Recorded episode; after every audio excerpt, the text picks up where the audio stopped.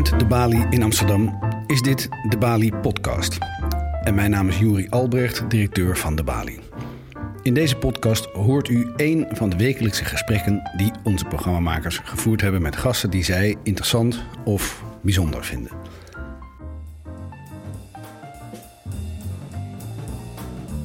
In deze aflevering hoort u een initiatief van onze programmeur Tim Wagemakers, een gesprek over de beruchte sleepnetwetgeving. Met die wet wil de overheid met een sleepnet op internet data verzamelen van burgers die nergens van verdacht worden. Deze wet is al door de Eerste en de Tweede Kamer en is volgens een meerderheid van de politieke partijen een middel om terrorisme het hoofd te bieden. Maar een groep studenten is hard onderweg om een referendum over dit onderwerp af te dwingen. En daarom voerden wij een gesprek met Joran van Apeldoorn, promovendus natuurkunde en een van de initiatiefnemers van het referendum, en Ton Sietsma, onderzoeker van digitale burgerrechtenorganisatie Bits of Freedom. U hoort de stem van Tim Wagemakers in gesprek met zijn twee gasten live vanuit de baan. Dankjewel. Um, misschien, Johan, voordat we de details induiken, want we hebben veel te bespreken in 20 minuten. Um, de campagne is in volle gang, de handtekeningen worden nu verzameld.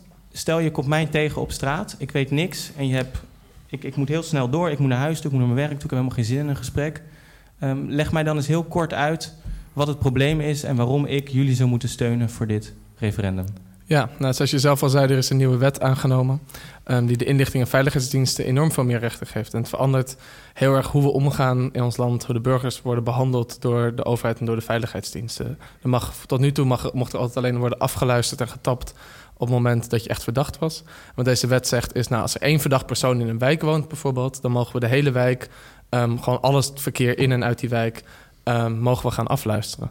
Dus opeens wordt iedereen als een verdacht persoon behandeld. Dus als jij ja. um, gewoon een WhatsAppje stuurt naar vrienden en je woont toevallig, je weet dat helemaal niet, maar er woont iemand in je wijk die verdacht is, dan wordt ook dat WhatsAppje wordt ook onderschept. Als je huisarts in zo'n wijk woont, dan worden de gesprekken daarmee ook onderschept. Um, wat, dan weet, wordt opeens wordt er opgeslagen tot wel drie jaar lang wat jij allemaal met de huisarts hebt besproken en wat er allemaal aan de ja, misschien allemaal dingen die je niet wil dat iedereen maar weet. En het is een enorme inbreuk op privacy. Het is alsof er overal opeens camera's hangen, overal opeens microfoons hangen. En we vinden het ook heel raar dat hier helemaal geen debat over is geweest. Want we vinden het normaal zou het helemaal niet oké vinden als er opeens overal wordt meegeluisterd. Ik denk dat iedereen dat toch wel een heel eng idee vond dat het wordt meegekeken. En daarom moeten we dus tekenen. Maar um, de ja. wet is er al doorheen. De wet is al doorheen en dat is juist precies het moment dat je een referendum kan starten. Een referendum is voor een wet die wel al is aangenomen, maar nog niet is ingegaan. De wet gaat in januari pas in. Um, en op dat moment kan iedere burger kan gewoon zeggen... nou, ik wil een referendum hierover... en kan ja. tekenen om zo'n referendum te starten. En wij dachten, nou, laten we dat eens een keer gaan opzetten... en gaan makkelijker gaan maken. Ja. Ton Sietsma van Bits of Freedom. Um, je bent onderzoeker bij Bits of Freedom. Ja. Eigenlijk verbaasde me het een beetje dat een groep studenten... dit aan het doen is, terwijl ik dacht... dit is nou echt iets waar Bits of Freedom al lang mee aan de gang had kunnen zijn. Jullie hebben zo'n grote organisatie. Hoe, uh, hoe zit dat? Nou, kijk, ik begrijp die gedachte wel. Uh, maar laat me eerst beginnen met een enorm compliment maken aan de, aan de studenten en aan de ja, groep die dit goed. doet. Wij vinden het fantastisch Bedankt. dat ze dit aan het doen zijn. Ja. Um, kijk, wij hebben de afgelopen jaren, en dat is ook onderdeel van mijn werk, uh, we hebben ontzettend veel gelobbyd tegen deze wet. Ik heb ontzettend veel in, nou ja, ik heb talloze uren in Den Haag doorgebracht um, in, op het ministerie, maar ook, ook in de Tweede Kamer, Eerste Kamer. ontzettend veel over deze wet gepraat. Uh, toen is de wet er doorheen gekomen. Helaas, wij hadden dat ook liever niet gezien. Of wij, sterker nog, wij hadden het helemaal niet gewild. Wij hebben er ook wel een campagne voor gevoerd.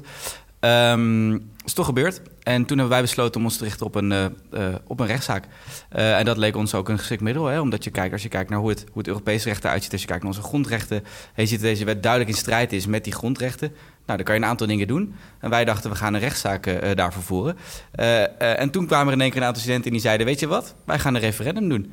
En wij dachten, dit is super, geweldig ja. dat ze dat doen. Ik vind het, kijk, um, laten we eerlijk zijn, het is geweldig dat het niet alleen maar um, uh, een privacyorganisatie is die dit doen. Ik, eerlijk gezegd vind ik het juist veel leuker, veel beter uh, dat iemand anders het doet. Ja.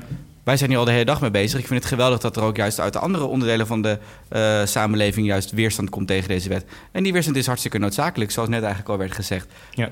Ja, want Johan, er zijn meer organisaties die, die, die zich achter jullie plan hebben geschaard. Even heel kort, wie, wie, wie zijn Het is een enorme lijst. Um, we hebben van, uh, Noem vier of vijf. Um, nou, uh, de grootste twee die ik dan zou noemen is denk ik Geen Stijl. Die zet zich er heel erg voor in. En vooral ook Amnesty International. Die is er heel erg mee bezig momenteel met ook de campagne te helpen um, te organiseren.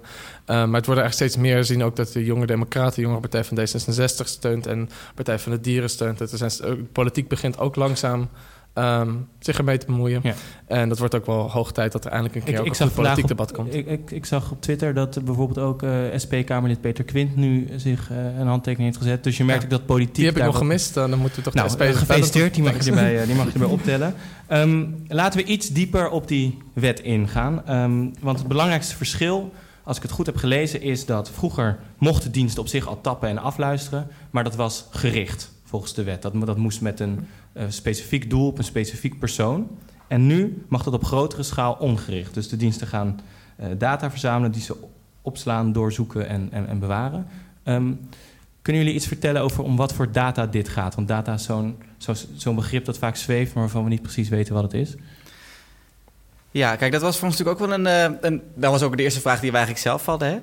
Hè? Um, uh, hoe groot. Kijk, want eigenlijk de, zeg maar, de vraag die, daar, die, die, die eronder ligt is eigenlijk: hoe erg is het nou eigenlijk? Hè? Dus hoe groot is nou eigenlijk de schaal waarop er eigenlijk. Nou, dat was eigenlijk vraag 2. De eerste oh, vraag was: wat zijn de data? Ja, nee, natuurlijk. Ja. Um, maar, om, maar precies, dus je moet eerst kijken wat, wat natuurlijk de data is. Dus wat we eigenlijk hebben gedaan. Um, dat hebben we zelf ook gevraagd. Uh, en waar het eigenlijk op neerkomt, is dat het eigenlijk om elke communicatie gaat die, um, uh, over, ja, die, die verzonden wordt. Dus het is eigenlijk, uh, of het nou een appje is, of het een telefoongesprek is, of het een mailtje is. Uh, alles wat digitaal is, kan eronder vallen. Dus stel je voor dat jij op een gegeven moment je telefoon hebt, je, je, pakt je telefoon in en denkt, nou, ik ga even Netflixen. Nou, dat kan eronder vallen. Je denkt, ik wil even Spotify, kan eronder vallen. Je wordt s'nachts wakker en je kijkt naar je arm en je denkt, oeh, daar zit iets. Misschien is het wel erg. Ik ga even googlen of ik misschien kanker heb dat valt eronder. Ja. Um, je krijgt een berichtje van uh, uh, je moeder die zegt: uh, heb, je, je, heb je je huiswerk wel gedaan? Of heb je eigenlijk wel de was al gedaan? Of in mijn geval vanochtend um, heb je je planten al water gegeven? Um, Goed voor de dat, dat valt er allemaal onder. Ja. en hoe waardevol natuurlijk ook haar advies is, dat is, het gaat allemaal niet om informatie die iemand anders aangaat. Ja. Maar, maar, maar, het is niet zo, Joran, dat je constant wordt afgetapt, toch? Nu met die nieuwe wet. Nou, het is wat je aftappen noemt. Je telefoon verstuurt zelf al een hele hoop. Bijvoorbeeld uh, veel Android-telefoons die versturen de locatie soms naar Google... en daardoor krijg je betere GPS-kanaal. Nou, oké, dat is iets wat mensen zelf kunnen aanzetten en zelf voor kunnen kiezen. Maar je beslist wel zelf met wie je dat deelt. En dat wordt nu ook allemaal ook allemaal gelogd en bijgehouden door de diensten bijvoorbeeld. Um, wat je allemaal s'avonds op je laptop zoekt op het internet, dat misschien wel heel erg privé is, dat wordt ook allemaal bijgehouden. Dus het, is, het hangt vanaf wat je echt afluisteren noemt. Het is niet zo dat constant jouw microfoon of je webcam um, aanstaat. Um, zover we kunnen overzien.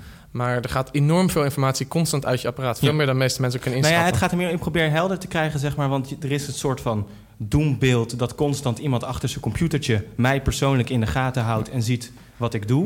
En volgens mij is dat ook niet helemaal Nee. Waar, toch? Nee, nee eens. Dat is, dat is, dat is, dat is, althans, als jij dus een target bent en je bent in beeld van de diensten, dan is het waar. en dan is het ook terecht dat het waar is. Laten we ervan uitgaan van niet voor dit gesprek. Nou, laten we daar dan voor nu voor uitgaan. Uh, je ziet er ook heel betrouwbaar uit, dus dat, dat geloof ik dan gelijk. Um, maar um, um, op een bepaald moment, want dat is een vraag die inderdaad ook bij de Kamer en ook bij ons. Hè. En op een gegeven moment, wat er op een gegeven moment is gebeurd, wel interessant. Um, toen is er een document gelekt. Um, want de uh, ministerie van Binnenlandse Zaken en ook de IVD... die wilden eigenlijk weten hoeveel het nou eigenlijk zou gaan kosten. Dus wat ze hebben gedaan, ze hebben een kostenraming gevraagd aan, uh, aan de grote bedrijven... aan de grote techbedrijven. En dan ook aan, zeg maar aan KPN van deze wereld, maar ook aan, ook aan Google en andere bedrijven. Um, en toen moesten ze een aantal voorbeelden geven. Want KPN moet natuurlijk weten wat er ongeveer gevraagd wordt. Ja. Nou, daar hebben we een en dat document moest geheim blijven, maar is gelekt. Uh, en daardoor weten we iets over de schaal. Dus ik kan er iets over zeggen. Um, bijvoorbeeld uh, alle wifi-netwerken in Utrecht voor een jaar lang. Uh, zeg maar alle, alle, alle wifi-hotspots. Op het mhm. moment dat jij dus door Utrecht komt en jij wil gewoon even daar een wifi-hotspot gebruiken, omdat je daar gewoon voorbij komt, dan kan je erbij zitten. Um, de communicatie tussen eh, een wijk en een ander land. Dus op het moment dat de, dat de diensten bijvoorbeeld denken dat er een terrorist zit in, uh, nou laten we zeggen, in Oost, in Amsterdam Oost. Uh, dan kunnen ze dus heel Amsterdam-Oost aftappen. En daar valt dus uh, uh, iedereen onder die op dat moment in Amsterdam-Oost is. Al die communicatie valt daaronder. Dus in zekere zin moet ik het zien als... zij verzamelen alles, brengen dat dan... Um, nou, als het helemaal voor leken doen, zeg maar... Naar, naar een plek waar ze het allemaal opslaan. En zodra ze willen, kunnen ze daarin zoeken... en alles vinden van wat ik de afgelopen exact. tijd en in, en, in, en in aanvulling daarop ja. is, is dat dit gaat om dus dit voorbeeld van Amsterdam-Oost is, is één voorbeeld. Dus er zou zeg maar één, één inzet van één bevoegdheid zijn. Maar stel je voor dat ze die bevoegdheid tien keer inzetten. Dan is het niet, niet, niet meer alleen maar Amsterdam-Oost... dan is het ook Amsterdam-West, Amsterdam-Noord, Amsterdam-Zuid. En als je dan kijkt naar de totale hoeveelheid aan data die je dan verzamelt... dat is natuurlijk ontzaglijk. En daar valt dan, dan kan je nog zeggen... in het individuele geval heb je alleen Amsterdam-Oost. Nou ja, hoe erg is nou dat je alle communicatie van Amsterdam-Oost afpakt? Wij vinden dat heel erg. Maar dan heb je heel Amsterdam. Ja. Maar ja, om nog iets aan te vullen, want wat je zegt is ook interessant, ze slaan het ergens op. En, uh, maar eigenlijk zonder er naar te kijken. Dus wordt, het is niet zo dat ze de data moeten bekijken en, af, en iets mee doen. Um, en dan bewaren wat nuttig blijkt te zijn. Nee, alle data, of het nou nuttig is, of het nou bekeken is of niet, wordt opgeslagen. Um, waar dus, om nog een paar voorbeelden te noemen van dingen die verstuurd worden. Nou, als je telefoon dingen naar Dropbox uploadt, uh, je foto's bijvoorbeeld, worden alle foto's die met je telefoon maken, ja. kunnen dus ook worden afgeluisterd. Die worden ook allemaal gewoon vrolijk opgeslagen tot wel drie jaar lang. Um, en een ander deel van de wet, de wet is nog iets uitgebreider, houdt ook in dat het gedeeld mag worden met buitenlandse diensten. Ook niet bevriende diensten, denk aan de Turkse of de Russische diensten. Um, en ook die data die nog niet bekeken is. Dus er mogen opeens data waarvan we helemaal niet weten wat het is... die mag opeens massaal gedeeld gaan worden met buitenlandse diensten... waar we niet bevriend mee zijn. Dus... Doe je daar eigenlijk ook mee dat als iemand zegt... Um, wat, wat maakt het uit, want wij hebben zo'n goedwillende overheid... die ons niks aan wil, dat dat dus niet per se iets zegt... omdat dat dus ook nou, met nou, bijvoorbeeld, Een voorbeeld, stel, um, je, je, zit op, uh, hebt een Grindr-profiel... en je maakt er gebruik van als je hier in Amsterdam bent... om, en nu ga je opeens naar Turkije of naar Rusland op vakantie... en je komt daar op het vliegveld aan... en het is bij de diensten bekend dat je homoseksueel bent... Dat is toch iets wat je niet graag zou willen. Of dat bij de Amerikaanse overheid bekend is... De hoe, ja. dat jij allemaal filmpjes over hoe slecht Trump is uh, hebt bekeken. Ja. En die informatie, zeg maar... je kan een hele hoop zeggen over of we onze eigen diensten moeten vertrouwen... maar het is belachelijk dat we niet gecontroleerde data... zomaar aan de hele wereld gaan geven. Ik, ik, ik wil nog een, een, een stap maken, want ik... Ik heb op de site van de AIVD gekeken. Dat, ik dacht, dat is ook handig. Um, en zij Pas zeggen... Op, straks sta je op de en, lijst. Ja, nee, precies. Maar ja, nou ja, maar zij zeggen dus, en ik ga het toch even voorlezen... er zijn waarborgen ingebouwd. Hè? De, -hmm. Want dat is de andere kant. Zij zeggen, dit hebben wij nodig... en wij zorgen dat dit op een goede manier gebeurt... waardoor er allemaal toetsen zijn... waardoor we dit op een juiste manier doen. Dus zij zeggen, voor elke tap en voor elke stap... moet een commissie van rechters en experts toestemming geven. -hmm. Versleutelde gegevens mogen maximaal drie jaar worden bewaard. Er gelden de principes van noodzakelijkheid, proportionaliteit en subsidiariteit. Voor journalisten en advocaten is een extra stap nodig. Daarvoor is toestemming van de rechtbank nodig. Er wordt een klachteninstantie voor burgers opgetuigd. Achteraf beoordeelt een commissie van toezicht of alles rechtmatig gegaan is. En hun positie is blijkbaar versterkt. Dat klinkt niet alsof ze zomaar mogen aftappen als je dat leest, toch? Uh, het, is, het, is, een hele lange lijst. Het, het, er is nu ook al een commissie die ook wel inderdaad um, oplet of wat de diensten hebben gedaan, vooral ook wel nuttig was. Er komt nu ook inderdaad een commissie, maar die bestaat waarschijnlijk maar uit drie mensen, twee rechters en één expert. expert ja. um, die dan inderdaad vooraf uh, moet goedkeuren. Maar er is wel erg de vrees dat hij gewoon alles gaat goedkeuren. Dat zie je bij soortgelijke wetten in het buitenland ook, dat die commissies um, duizenden verzoeken gaan krijgen over verschillende dingen. En dat op een gegeven moment gewoon stempelwerk is, want ze weten de achtergrond niet, ze kunnen van tevoren de niet goed inschatten. Hoog en de nou ja, zo'n commissie, stel je zit in zo'n commissie, je hebt niet alle gegevens en je, dan maak je toch wel erg zorgen dat je iets niet goedkeurt, wat toch eigenlijk wel goedgekeurd moet worden. Dan kun je liever maar alles goed, dan dat jij later de schuld krijgt dat ze informatie niet hadden die ze anders wel ja. hadden gehad.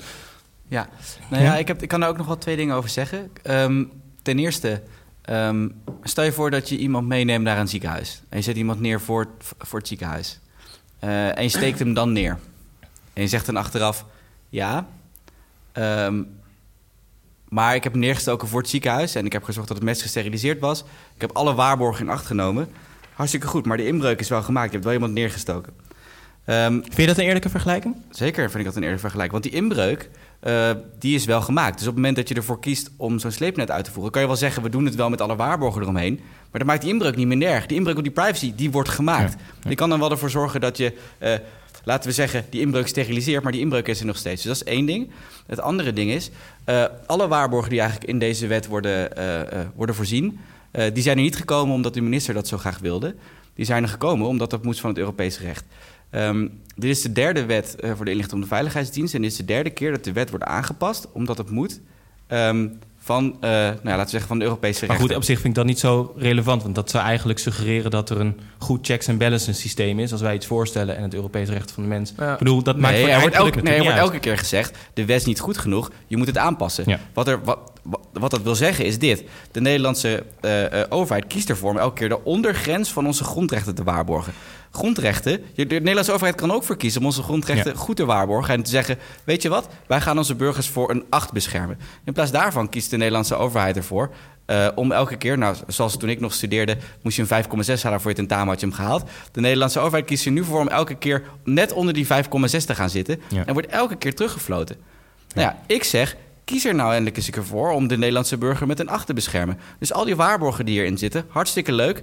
Um, als het aan de minister had gelegen, als je kijkt naar de eerdere conceptvoorstellen, dus niet het uiteindelijke wetsvoorstel, maar het voorstel wat in 2015 in consultatie is gegaan, uh, daar zat die tip, dus die toetsingscommissie waar we het net over hadden, die zat daar nog helemaal niet in. Ja. Ik wil nog één ding erin gooien voordat we iets, iets breder uh, ook naar het referendum gaan kijken. Uh, het aloude argument wat je vaak hoort is, als je dit soort dingen bespreekt, dan is het of veiligheid of privacy. Dat is natuurlijk ook de reden waarom de Tweede Kamer dit nu wilde. Die zeggen oh, de, de veiligheid staat voorop, dus dit hebben we nodig om onze bevoegdheden te kunnen uitoefenen. Nou kun je van alles zeggen, maar volgens mij staat Nederland er qua veiligheid momenteel vrij goed voor. Um, hoe, hoe, hoe, kijk jij naar die discussie als um, um, niet per se burgerrechten-expert, maar iemand die dit referendum is opgestart? Nee, ik heb natuurlijk de laatste tijd wel inleg gelezen, dus ik weet niet in hoeverre. Nou ja. Nee, maar, nee, ik bedoel, zeg maar, maar dat je achtergrond je, ja, wat, ja, wat, ja. wat, je, wat je wel ziet, is dat het, um, het hoeft niet te, met elkaar, um, ja, tegen elkaar in te gaan, die twee dingen. Um, juist niet.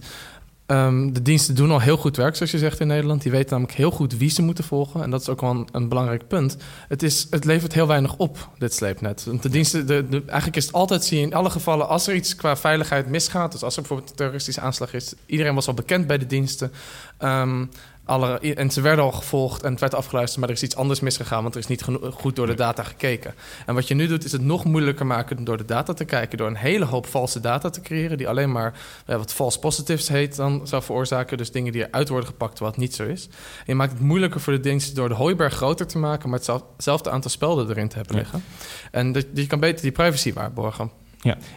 Is er nog iets waarvan jullie als Bits of Freedom zouden zeggen dit zou een goede. Kijk, die, die, die oude wet die komt uit 2002.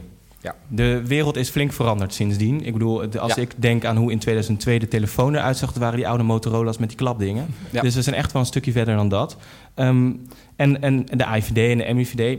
ik denk dat ik daar dan misschien wel begrip voor heb. Die worstelen natuurlijk een beetje mee. Hoe moeten we omgaan met uh, de, de verschuiving van communicatie... naar smartphones, internet, uh, telecommunicatie? Ja. Is er een manier waarop de IVD nieuwe wetgeving zou kunnen maken die en bij de tijd is en ook onze digitale burgerrechten goed zou waarborgen? Of zeg jij, die oude wet was prima zo?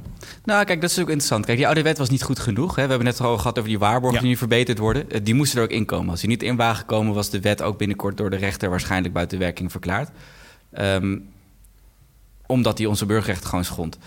Um, nou, kijk, wat ik een hele interessante vind. Uh, ik ben op zich buiten het sleepnet en buiten inderdaad overdragen van die uh, gegevens, ben ik best wel, eigenlijk best wel tevreden over deze wet.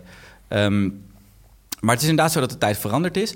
Maar waar je eigenlijk heel erg, heel erg scherp naar moet kijken, en dat, en dat is eigenlijk een, uh, een onderzoek wat niet echt gedaan is, is uh, kijken naar welke bevoegdheden nou eigenlijk noodzakelijk zijn. Dus, dus, dus um, een onafhankelijk onderzoek, en ook als je kijkt naar de, uh, alle evaluaties die zijn gedaan naar deze wet, is er eigenlijk niet echt gekeken naar welke bevoegdheden nou echt, echt, echt, echt, echt noodzakelijk zijn voor de diensten. Want als iets echt noodzakelijk is, dan hebben we een ander gesprek. dan kunnen we zeggen, oké, okay, nou, dit is de prijs die we willen betalen voor onze veiligheid. Dit Heb jij enig idee wat dat zou kunnen zijn? Wat het antwoord erop zou kunnen zijn? Wat echt noodzakelijk is? Nou, waar wij echt... Uh, ja, daar heb ik al een idee over. Um, wat wij heel erg zien, en dat zie je eigenlijk uh, ook wel in alle aanslagen die de afgelopen tijd zijn geweest, zie je eigenlijk dat heel erg de mensen al in beeld waren. Mm -hmm. dus de aanslagen in Brussel, aanslagen in Londen, dan blijkt dat de mensen al in het vizier waren. Wat, wat wij heel erg zien is dat er eigenlijk gewoon veel meer geïnvesteerd moet worden in mensen. Er moet veel meer worden gekeken naar uh, uh, meer, in meer, meer, mensen in dienst en slimmer omgaan met de data die je al hebt. Dus zorg ervoor dat je de data die je hebt op een slimmere en efficiëntere en effectievere manier kan verwerken. Zorg ervoor dat uh, niet gegevens op een bureautje blijven liggen, maar dat er daadwerkelijk wat mee gebeurt. Uh, en daar, daar zit al enorm veel winst in. Dus zorg er niet voor dat je ervoor zorgt dat je verzandt in meer data, zoals net al werd gezegd. Maar ga slimmer om met de data die je al hebt. En zorg ervoor dat je investeert in um, uh, mensen op de grond, zal ik maar zeggen. Ja. Dus, de, dus um, de mensen die daadwerkelijk het onderzoek doen. De mensen die daadwerkelijk ervoor zorgen dat als iemand in het vizier komt, ook, dat die ook in de gaten wordt Dus in die zin moeten we uh, Bits of Freedom of, of, of nou ja, dat wil ik van jou ook zo horen. Moeten we het niet zien als dat jullie compleet tegen het data verzamelen zijn van wat de IVD doet. Maar niet op deze manier waarbij nu ongericht uh, uh, iedereen een, een, zee, een, zee, van data en iedereen in de gaten wordt gehouden. Ik denk dat uh, de IVD en de MVD ontzettend goed werk doet. En ik denk dat we ontzettend blij mogen zijn met een capabele ja. dienst. Um, maar laten we in ieder geval ervoor zorgen dat ze geen ongericht data gaan verzamelen. Want daarmee zorgen ze ervoor dat onze veiligheid niet groter wordt, maar juist kleiner.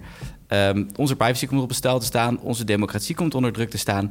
laten we dat allemaal niet doen.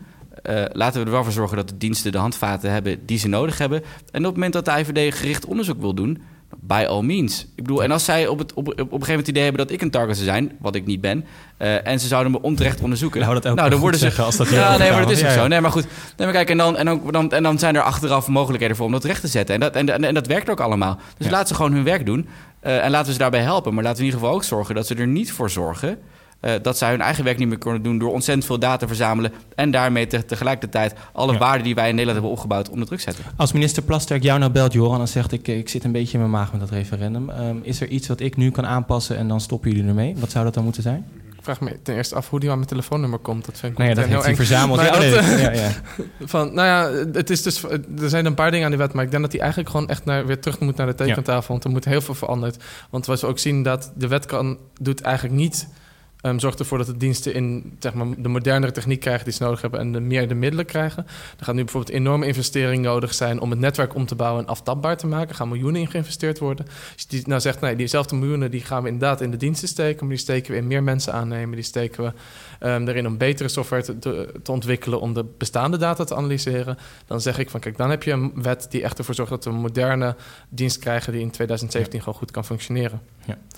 Tot slot misschien, want ik denk dat we een beetje richting het einde komen. Um, het referendum. We hebben, we hebben natuurlijk al ervaring gehad met het Oekraïne-referendum. Um, uiteindelijk is daar uh, eh, 30% heeft gestemd, iets meer. Um, er is een nee uitgekomen, maar uiteindelijk heeft dat nee niet geleid tot uh, uh, dat het associatieverdrag niet getekend wordt. Wat verwacht jij van een referendum? Ja, het is wel echt heel anders. Dus we hebben natuurlijk we hebben eigenlijk twee referenda gehad in Nederland in de, ja, ja de Europese, de grondwet. Europese grondwet Oekraïne. En dat waren beide eh, internationale verdragen. Het waren dingen die heel erg ver van mensen in deur stonden, die niemand echt goed op kon inlezen wat nou precies allemaal aan de hand was. En dit is iets wat veel persoonlijker is. Wil je dat er constant misschien meegeluisterd wordt met alles wat jij doet want op het internet? En dat is tegenwoordig bijna alles wat de meeste mensen doen. Um, en dit is daardoor al een stuk persoonlijker. Dus ik denk dat het veel meer een gesprek kan zijn in de samenleving... van wat, moet, wat betekent privacy echt in de samenleving. Dat is iets wat we echt een keer maar, moeten gaan voelen. Sorry hoor, daar mag je... Maar ja, ik kom, ja, ja, nee. ik kom er ook op. En het is daardoor ook omdat het geen internationaal verdrag is... is het veel makkelijker um, om het aan te passen en om er veranderingen aan te brengen. Kijk, onze handen zaten gewoon, we waren achter ons rug gebonden bij het Oekraïne-referendum. Er viel niet, na het referendum kon er niet veel veranderd worden, want alles was al afgesproken. Dat is hier niet het geval. Dit is een wet die binnenlands is. En die we dus ook, je kan de politici echt vertellen van nee, we hebben gezegd, we willen deze wet niet. Je moet echt opnieuw beginnen. Ze kunnen niet één regel er ergens bij schrijven en dan zeggen, nu hebben we eraan gehaald. Ja. Ik, ik, wil nog, ik wil nog één ding, wat ik nu opeens bedacht toen jij dat zei, um, privacy is echt zo'n persoonlijk ding. Ja, voor mij wel. Tenminste, ik heb uh, twee weken Facebook-dieet geprobeerd. Uh, dat werkte niet, maar ik was er wel mee bezig, op zijn minst.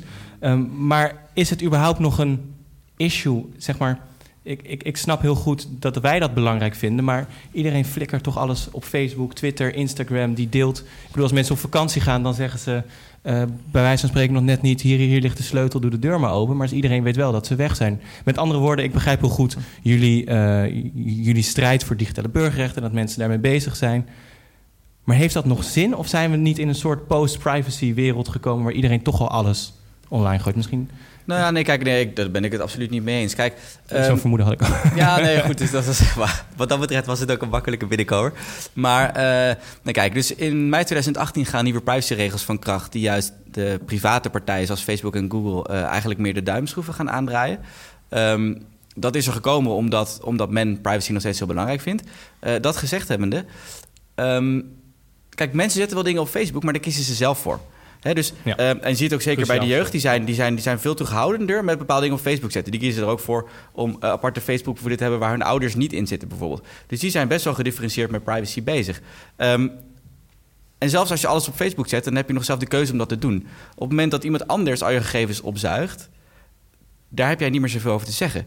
Dus op het moment dat jij ervoor kiest om jouw telefoongesprek uh, gewoon uh, publiek te maken, wat trouwens niemand doet, uh, dan is dat jouw eigen keuze. Maar het is iets anders dan wanneer je je eigen besloten telefoongesprek ja. opgeluisterd ziet door iemand anders. Ja, dus in die zin gaat het, om. gaat het om zeggenschap ook. Welke zeggenschap heb jij over? Het gaat vooral om zeggenschap, maar ook over dus wat allemaal. Dus in dat, je doet een hele hoop op het internet. Sommige dingen vallen in het regime wat inderdaad een bepaald bedrijf waar je voor hebt gekozen die dingen hebt. Maar een hele hoop dingen wil je ook niet dat dat zomaar wordt opgeslagen. Ja. Um, en we hebben het tot nu toe heel erg over persoonlijk, dus als ik nog heel even mag. Ja, ja, ja. Ook het, we hebben het eigenlijk nog niet echt gehad over bijvoorbeeld over de brede maatschappelijke consequenties. Een goed voorbeeld is, nou ja, de Vereniging van Journalisten heeft zich ook al tegen deze wet uitgesproken met goede reden. Je hebt ook best mensen die wel dingen geheim willen houden, waarvan we ook allemaal vinden dat ze dingen geheim moeten houden, voor bronnen van journalisten. Je wil niet dat die constant worden um, afgeluisterd en misschien zo'n sleepnet belanden. En die moeten gewoon vrij met een journalist ook kunnen praten. Dus er zijn wel begrenzingen aan hoever journalisten, maar hun bronnen is alweer onduidelijker dan. En hetzelfde zou je dus ook hebben bijvoorbeeld voor advocaten. Je wil dat je gewoon veilig met een advocaat kan praten zonder dat het misschien getapt wordt als je naar ze mailt. Dus er zijn ook wel. Er zijn ook groepen in de samenleving waarvan, die, waarvan we echt zeggen van... hey, we vinden het allemaal belangrijk dat die wel dingen geheim kunnen houden. En dat kan ook niet meer wet. Dus het is niet alleen maar persoonlijk. Liggen jullie eigenlijk op schema? Is er, want ik bedoel, jullie hebben, kunnen natuurlijk kijken naar het Oekraïne-referendum, een beetje hoe die handtekeningen toen gingen. Jullie hebben tot half oktober volgens mij. Uh, we hebben tot half oktober inderdaad in drie dagen voor de deadline of zo moeten stoppen, want we moeten ook nog alles printen. Want het moet allemaal papier ingeleverd worden. Dat is eigenlijk ook Lekker in de jaren negentig, zeg maar. Ja, dat is het probleem. Volgens de wet mag het digitaal, maar de regering heeft besloten dat het uh, dan toch echt op papier via een formuliertje moet. Dus dat is eigenlijk vooral wat wij doen. Ook mensen tekenen bij ons, vullen ze alles in en dan printen wij het en leveren het af. Um, ja, op schema is moeilijk te zeggen, want ja, als je gewoon lineair vanaf start naar einde van de zes weken periode kijkt, dan niet. Maar dat verwachten we ook niet. Bij Oekraïne zag je ook in de laatste week verdubbelde het ongeveer. Het aantal handtekeningen. En hoe groter je wordt, hoe meer nieuws je wordt. Dus we maken ons uh, geen zorgen nog. We zitten, ja. we zitten ruim over de 70.000 heen. Dus uh, wij zijn wel tevreden tot nu toe. Hou je het zelf nog een beetje vol? Want volgens mij ben jij gewoon keihard aan je PhD bezig. En nu uh, ja, je ook maar een groep studenten die per nu... dag moet ik ook nog acht uur onderzoek doen. Uh, dus inderdaad, het is, het is even zwaar. Maar we hebben een einde in zicht. Dat is ja. heel fijn. En jullie bij Bits of Freedom, hebben jullie nog plannen om hier nog flink... Um, Nee, jullie hebben nog een rechtszaak waar jullie, ja. jullie doen onderzoek naar juridische stappen? Ja, nou, dus we doen een aantal dingen. Ten eerste steunen we natuurlijk dit referendum. En op het moment dat het referendum van start gaat, dan staan wij al helemaal in de startblokken om, uh, om dit debat helemaal erg te gaan voeren. En ervoor te zorgen dat de Nederlandse bevolking ook eigenlijk tegen deze wet uh, ja. uh, gaat stemmen. Althans, het is in, in het referendum gaat zeggen, luister, dit willen we niet. daar zijn we druk mee bezig. En we zijn druk bezig met een rechtszaak. Die gaat begin januari gaat die van start. En uh, daarin dagen we de Nederlandse staat en zeggen we: luister, die wet die jullie hier hebben, die voldoet absoluut niet. Hebben we al tijden gezegd. Nu gaan we naar de rechter en dan mag de rechter zeggen dat die wet ook inderdaad van tafel moet. Ja, want de wet treedt dus op 1 januari 2018 in principe ja. in werking. Uh, met referendum zou waarschijnlijk dan, denk ik, daarna plaatsvinden. Ja, gemeenteraadsverkiezingen in maart wordt er, wordt er geroddeld. Uh, het is natuurlijk allemaal nog ja. onduidelijk, maar... maar het einddoel zou zijn dat hij toch nog weer dat hij dan toch weer van tafel gaat. Ja. Uh, het referendum stuurt echt de regering. Uh, ja ja, zet ze terug aan de Kamer, moeten opnieuw naar de wet kijken. Dus dan zou die inderdaad weer niet meer van kracht gaan. Ja. Um, en het is ook nog wel een beetje een vraag hoe ze alle infrastructuur gaan doen als er een kans is dat het weer teruggeroepen wordt. Dus er is ook wel een kans dat de wet niet per 1 januari dan, als er een referendum nog over komt, uh, starten. Ik uh, wens jullie heel veel succes daarbij en ik wil jullie uh, heel hartelijk danken voor dit gesprek. Veel dank.